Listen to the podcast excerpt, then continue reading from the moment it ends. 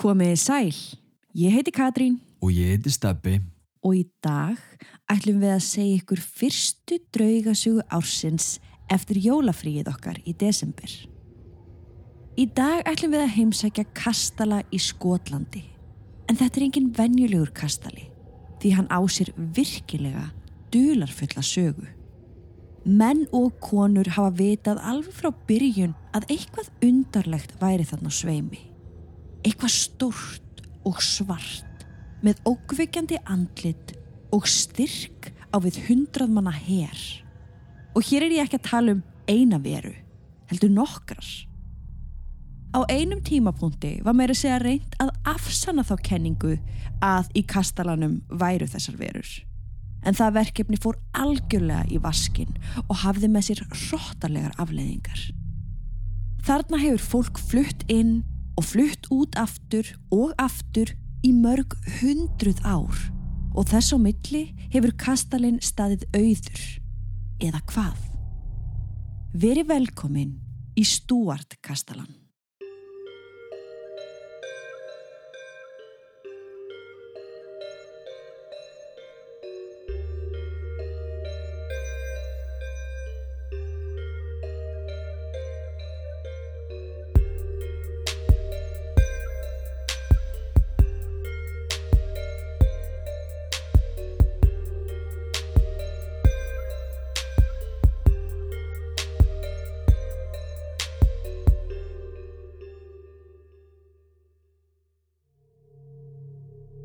Við viljum minna á að draugasögurnar okkar eru ekki við hæfi barna yngri en 13 ára nema með leifi fullorna.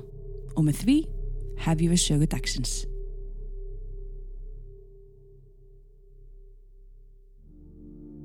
Stuart Kastalin er í rauninni töfrandi staður í Skotlandi og hann hefur alltaf verið alveg frá upphafi það sem var þekkt sem Tower House eða Turnhús. Já, sem þýðir það að hann gegnir tvöföldu hlutverki. Húsið var varnarvirki en þar var einnig hægt að búa. Hann stendur stór og tegnarlegur með grænan gróður allt í kringum sig. Kastalinn sjálfur er byggður úr rauðbrúnum músteinum og skartar hann mjóum hvítum gluggum og litlum turnum á alla kanta. Hann er sveipaður þeim kastala sem þú myndir ímyndaðir úr hryllingsmynd, dökkur og drungalegur. Og við viljum endilega að þið skoði myndirnar sem fylgja sögu dagsins inn á draugasögur.com til þess að þið getið séðan sjálf.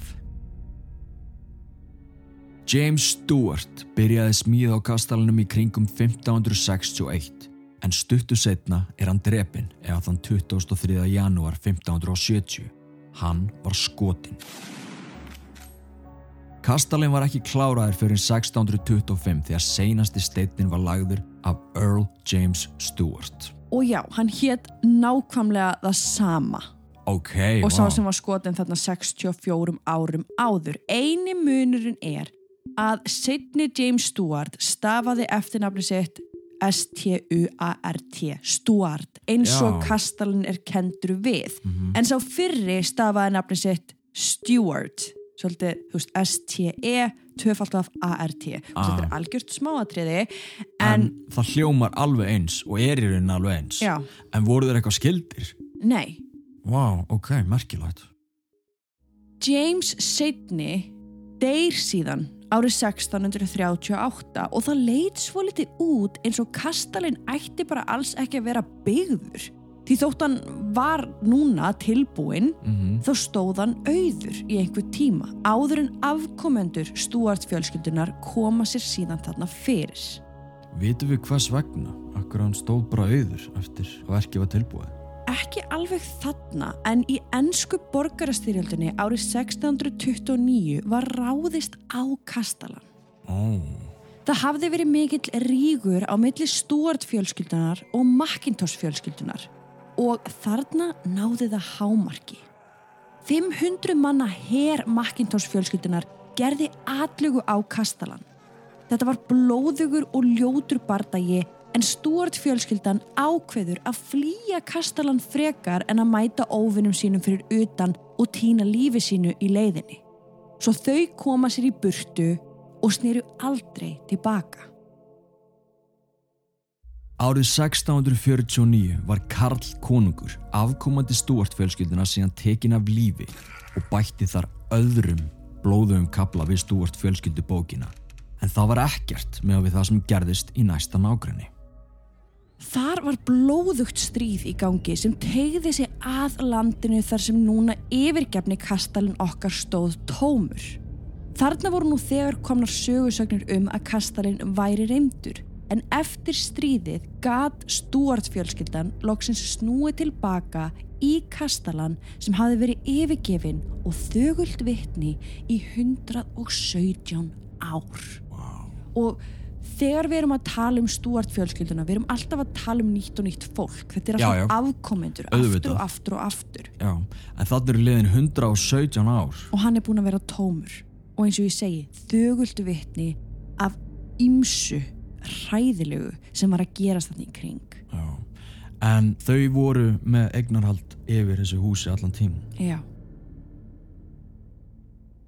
Þegar hinga er komið ætlar þáverandi Earl of Moray að reyna að breyta kastalanum í heimili. Þarna vild hann búa í ró og næði.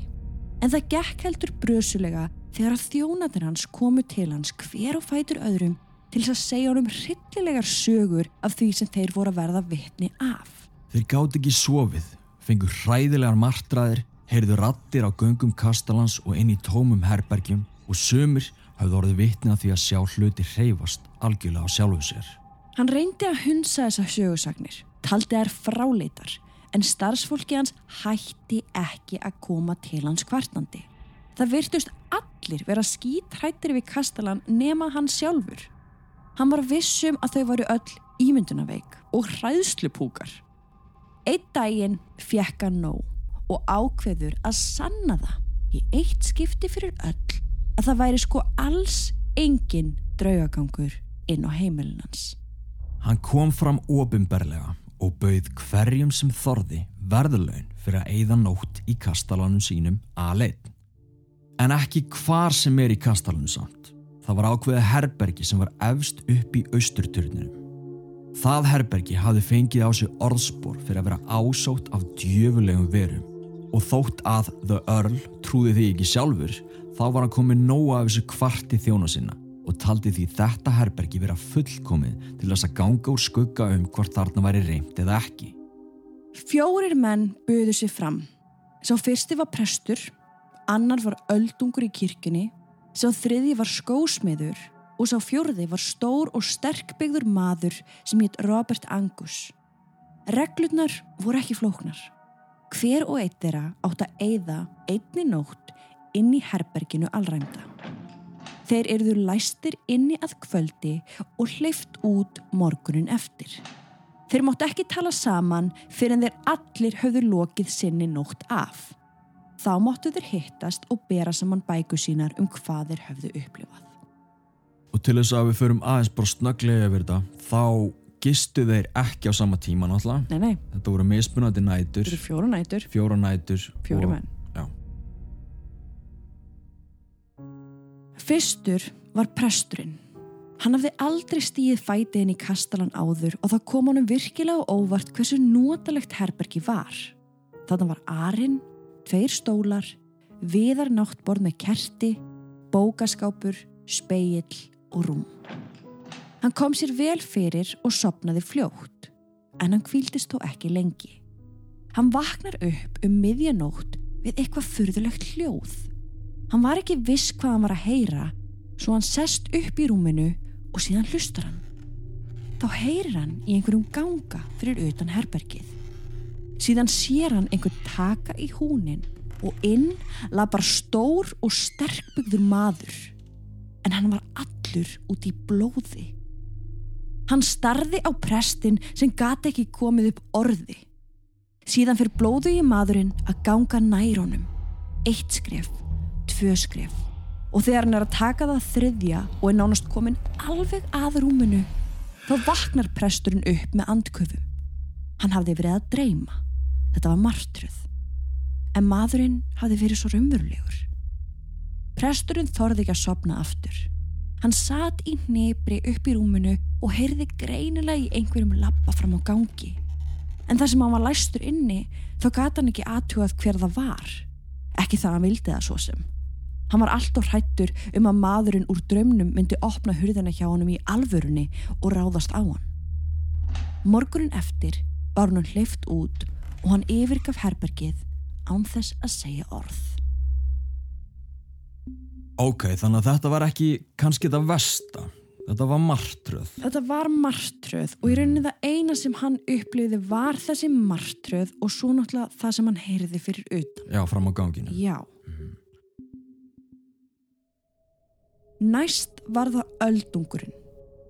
Eins og prestunum kom það honum á óvart hversu huggulegt herbergi var.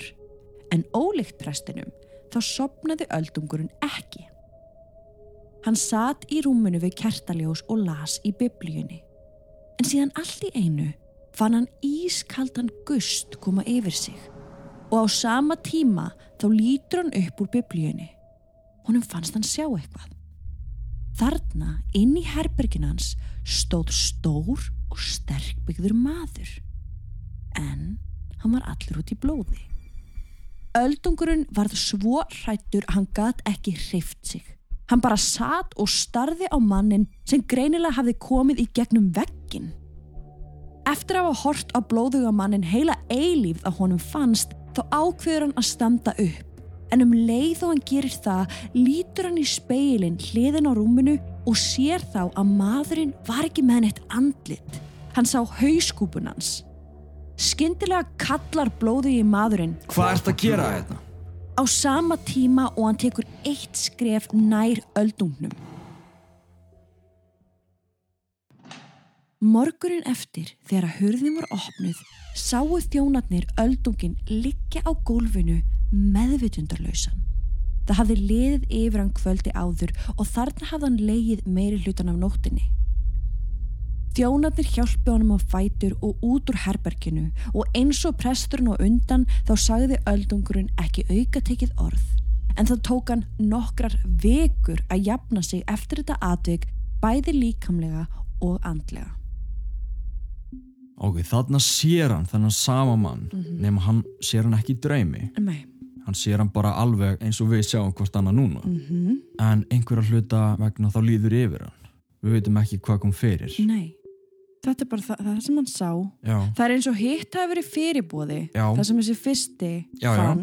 einmitt. Síðan þessi öldungurinn. Þá hafa hann bara actually þá komið. kemur hann Já, og sá þriðji, það var skósmiðurinn.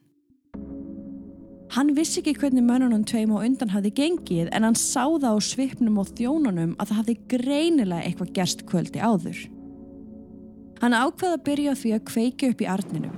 Síðan fekk hann sér sætið þar á gólfinu og fór með bænir. Á miðnætti heyrir hann hurðina opnast. Hann styrnaði allur upp. Hann var einn þarna inni. Hver var að opna hurðina? Hægt og rólega snýr hann höfði sínu í áttahurðinu og þá sér hann þennan svarta skugga. Hann var hávaksinn, svartari en svart, en með engar fætur, heldur þófa. Hann sá ekkert andlit en þó tvær rauðar doppur efst sem letu út eins og augu. Þessi skugga vera stóð þarna kyrr en hún reyfiðist samt fram og tilbaka. Skósmiðurinn öskraði eins hátt og hann gat en skuggaveran haggaðist ekki. Morgunin eftir fundu þjónatir mannin í hnibri út í horni meðvitundalausan. En í þetta skipti gáttu þeir ekki vakið hann svo að það þurfti hreinlega að bera hann út úr herberginu og hann vaknaði nokkrum klukkutímum síðar jafn hrættur og hann var áður en það leið yfir hann. Eins og öldungurinn þá tók það skósmiðin margar vikur, marga mánuði að ná sér eftir þessa lífseinslu.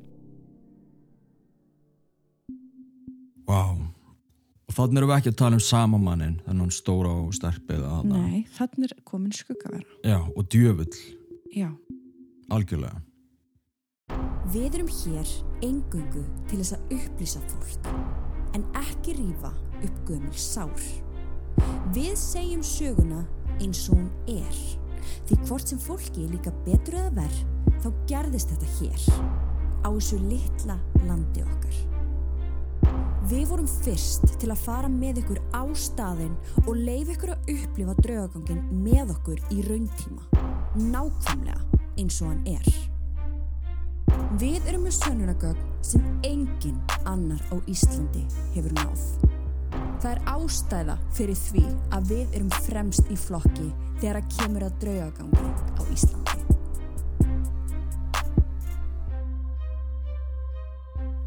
Skoðuðu áskriftarleiðirnar inn á patreon.com skástrygg draugasögur.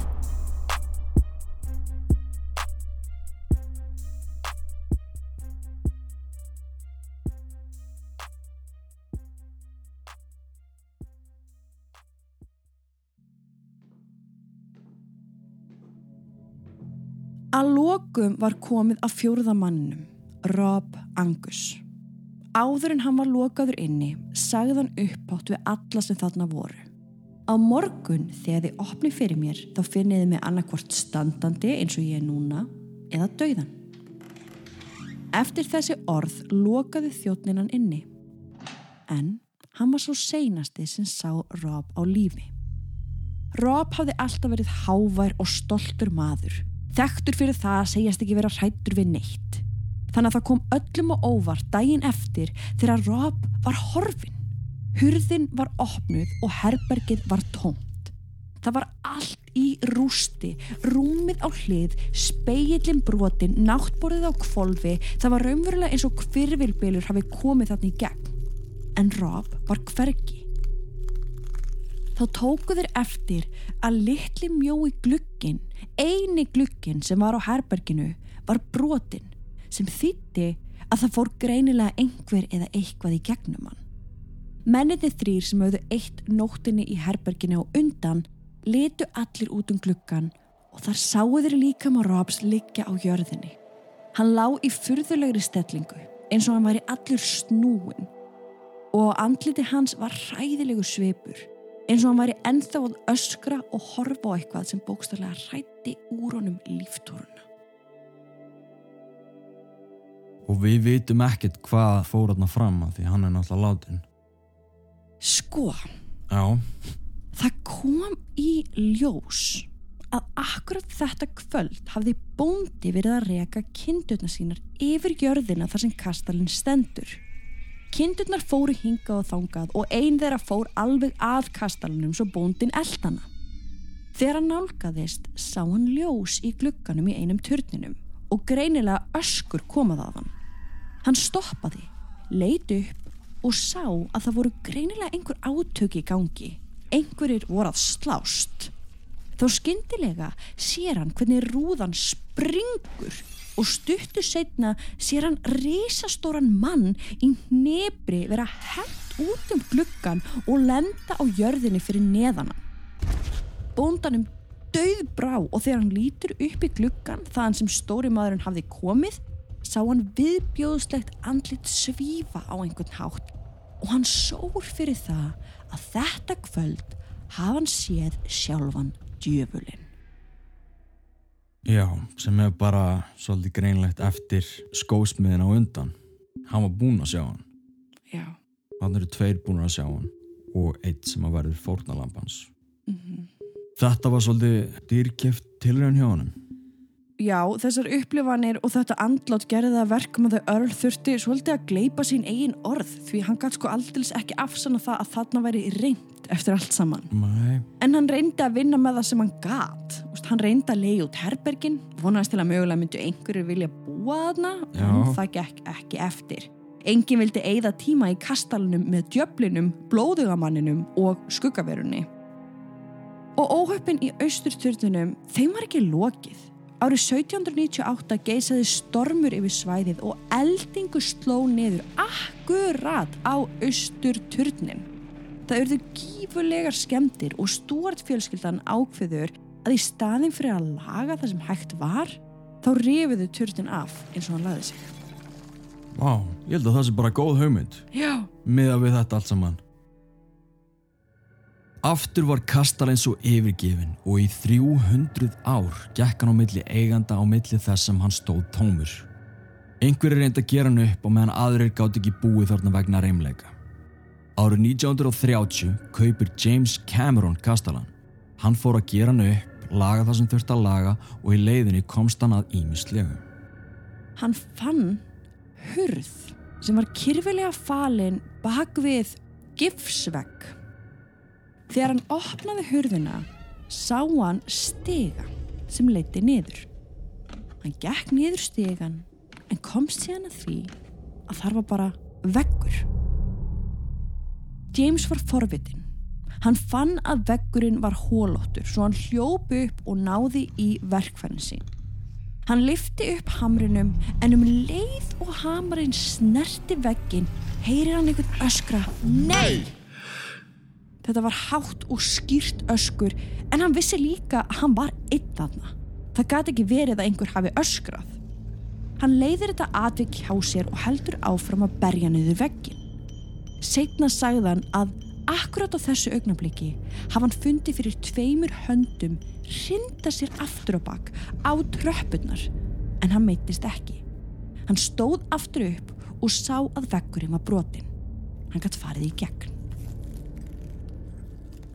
Það var myrkur en hann fegraði sig áfram.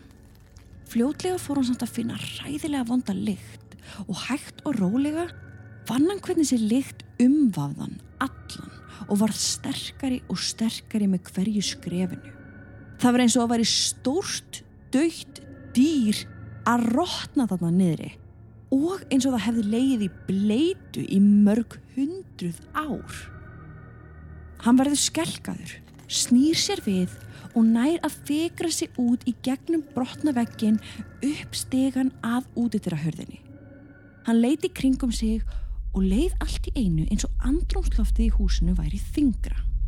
Það var orðið dimt úti, þannig að hann ákvað að segja þetta gott þennan daginn og hljóp út í bíl. Hann vildi ekki viðurkenna fyrir sjálfum sér að hann væri að fara vegna þess að hann var hrættur. Vinnudeginum var lokið, hugsaði hann með sér. Hann settist út í bíl og setti vélina í gang.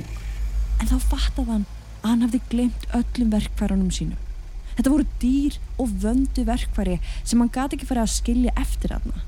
Hvað ef einhver myndi brjótast inn og stela þeim? Það erði mikið tjón. En hann satt sem fastast. Hann þorði ekki inn. Eftir nokkra mínútur ákvaðan að beina fram ljósunum á bílnum að útidrahörðinni. Þá þyrst hann að minnst að kosti ekki að lappa inn í myrkri svo það gerðan. Hann gekk að útidrahurðinni og opnaði hana varlega. Hann gekk inn og að hurðinni sem hann hafi fundið falda undir gipsvegg fyrir um kvöldið. Hann fór í gegn, niður stegan og inn í hóluna á vegnum. Hann bölvaði sjálfum sér að hafa dröslast með verkværin alla leið það niður og meðan hann helt áfram að fekra sig lengra og lengra inn í veggin. Loksins kom hann að verkværakassanum sínum en um leið og hann greip í hann heyrðan hvernig útidrahörðin sem hann hafði skilið eftir opna til þess að fá biljósið inn var skellt og áður en hann vissi af stóð hann al-einn í svarta myrkri. Hann stóð stjárfur, þorði ekki að reyfa sig, svo hrættur var hann. En hann vissi að hann þyrst að koma sér út.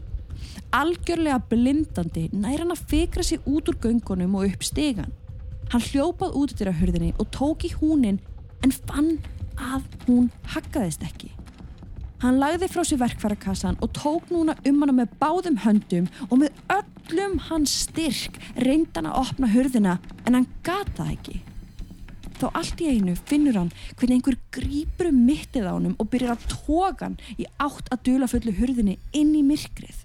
Hann fann hvernig ískaldir puttar heldu utanum hann og tókuð hann með þvílikum styrk. Hann hendi sér á gólfið og var dregin nokkra metra þanga til hann náði taki á hurðarkarm. Hann öskraði eins hátt og hann gat og dróði tilbaka að útidrahörðinni. Og einhvern ótrúlegan hátt náði hann að standa upp og koma sér út. Hörðin opnaðist og hann hljóp út í bíl, grátandi og öskrandi á sama tíma. Hann snýri aldrei tilbaka í kastalan og enn á ný stóðan auður. Hann hefur fundið fylsni djöfusins Hann hefur allavega fundið eitthvað sem hann átti ekki að finna. Ó nei. Svo mikið er víst. Vá komið okkur að skoða þetta herbergi. Ég veit það. Árið 1977 kaupi Richard Charles Stuart Castellan og gerir hann upp. Hann breytir honum í fyrsta flokks hótel með golvvelli við hliðin á og þannig er þetta ennþá í dag þó að það hafi farið á milli eiganda. Það reynir þó enginn þeirra að komast undan draugasögunum sem fylgja kastalunum.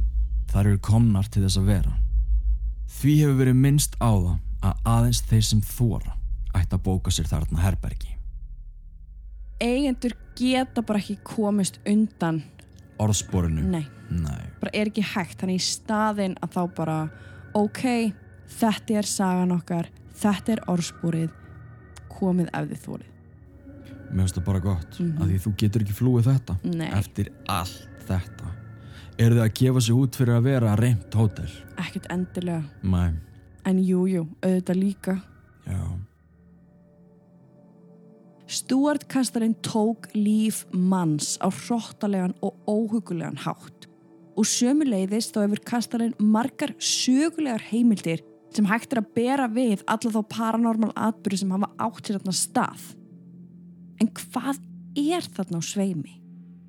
Af hverju var þarna falin hurð og stigagangur? Mögulega framkvæmdir í gegnum árin? Eða eitthvað sinnsamlegra? Hver öskraði nei þegar James var að fikra sig áfram í myrkrinu og hvaða blóði í maður var þetta sem byrtist mönnunum fjórum sem tóku áskoruninni að eigða þarna nótt? Og þetta djöfilega andlit sem bóndin sá. Það er alveg á hreinu að Stuart Kastalin er með þeim reymdustu í öllum heiminum. En þó við þykjumst vita allt um hann þá eru greinilega þarna falin leyndamál. Eitthvað sem við kunnum ekki skýringu á. Og það virðist vera að þeir sem hætta sér of nálagt sannleikanum eru annarkvort rættir burt eða týna lífi sínu.